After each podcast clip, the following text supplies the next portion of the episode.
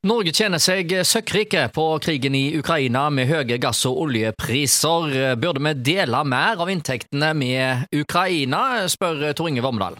Se på Norge, så vi, gir vi store bistandsmidler uh, da, til u-land. Så vi har jo delt, og når vi i innsamlingsaksjoner og sånn, så har vi delt. da.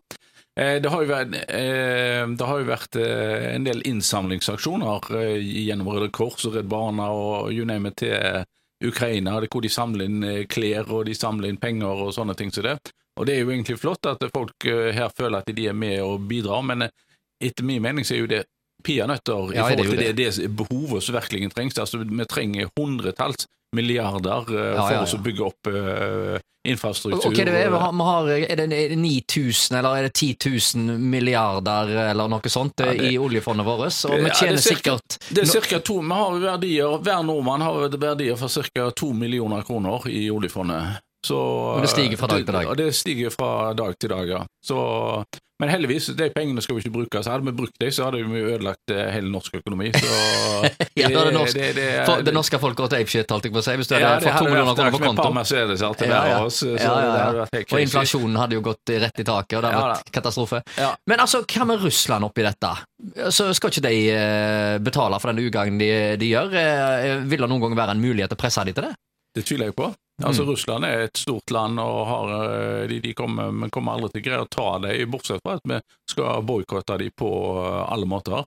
Så, men det, det å straffe Russland sånn som en i sin tid straffa Tyskland, Tyskland eh, det, det, det, ser jeg ikke for, nei, det ser jeg ikke helt for meg at en skal gjøre, men jeg håper det at en nå greier å boikotte dem. Det er jo trist nå å se på EU og Ungarn også, som nå setter pinner i veien for eh, det at vi skal kunne eh, boikotte russisk olje. Eh, jo, men det er jo helt avhengig av det, for ellers rakner jo hele økonomien i landet. Så det er forskjellige utfordringer med å gjøre sånne drastiske ja, grep på så kort tid. Ja da, det er absolutt det. Og det, er jo helt ufattelig å tenke på at EU har vært så dumme, spesielt og Tyskland har vært så, så, avhengig av, avhengig av ja.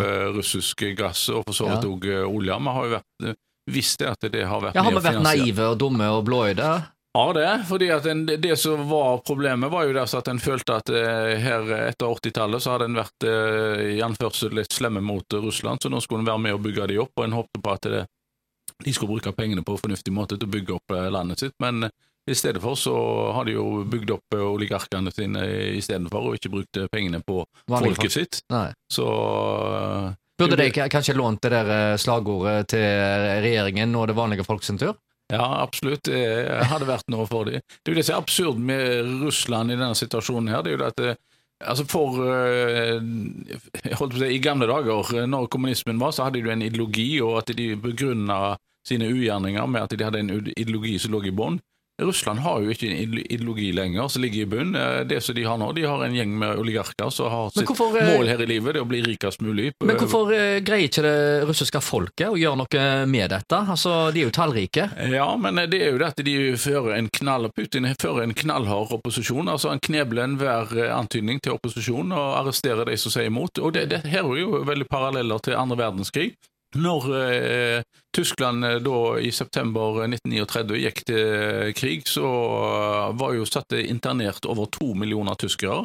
Altså vanlige tyskere, eh, sosialdemokrater, eh, fagforeningsfolk, så satt da arrestert i. De fikk ikke lov til å si meninga si? De fikk ikke lov til å si meninga, så to millioner tyskere satt internert når krigen starta opp da. Og det er jo det, de, de fører en Så Hitler hadde bare med seg en tredjedel av folket når han gikk til krig da. og Putin har jo, altså Meningsmålinger viser jo at han har stor oppslutning. Hvor stor oppslutning han har det aner jeg ikke. Men, jo, men altså, Hvis de meningsmålingene er gjort uh, av uh, hans egne folk, så ja. hva, vet ikke hva verdi de har? Det, det, det, altså Før eller siden, se hva som skjedde i 1917 der borte, så ble det jo revolusjon. Så han, han lever jo farlig.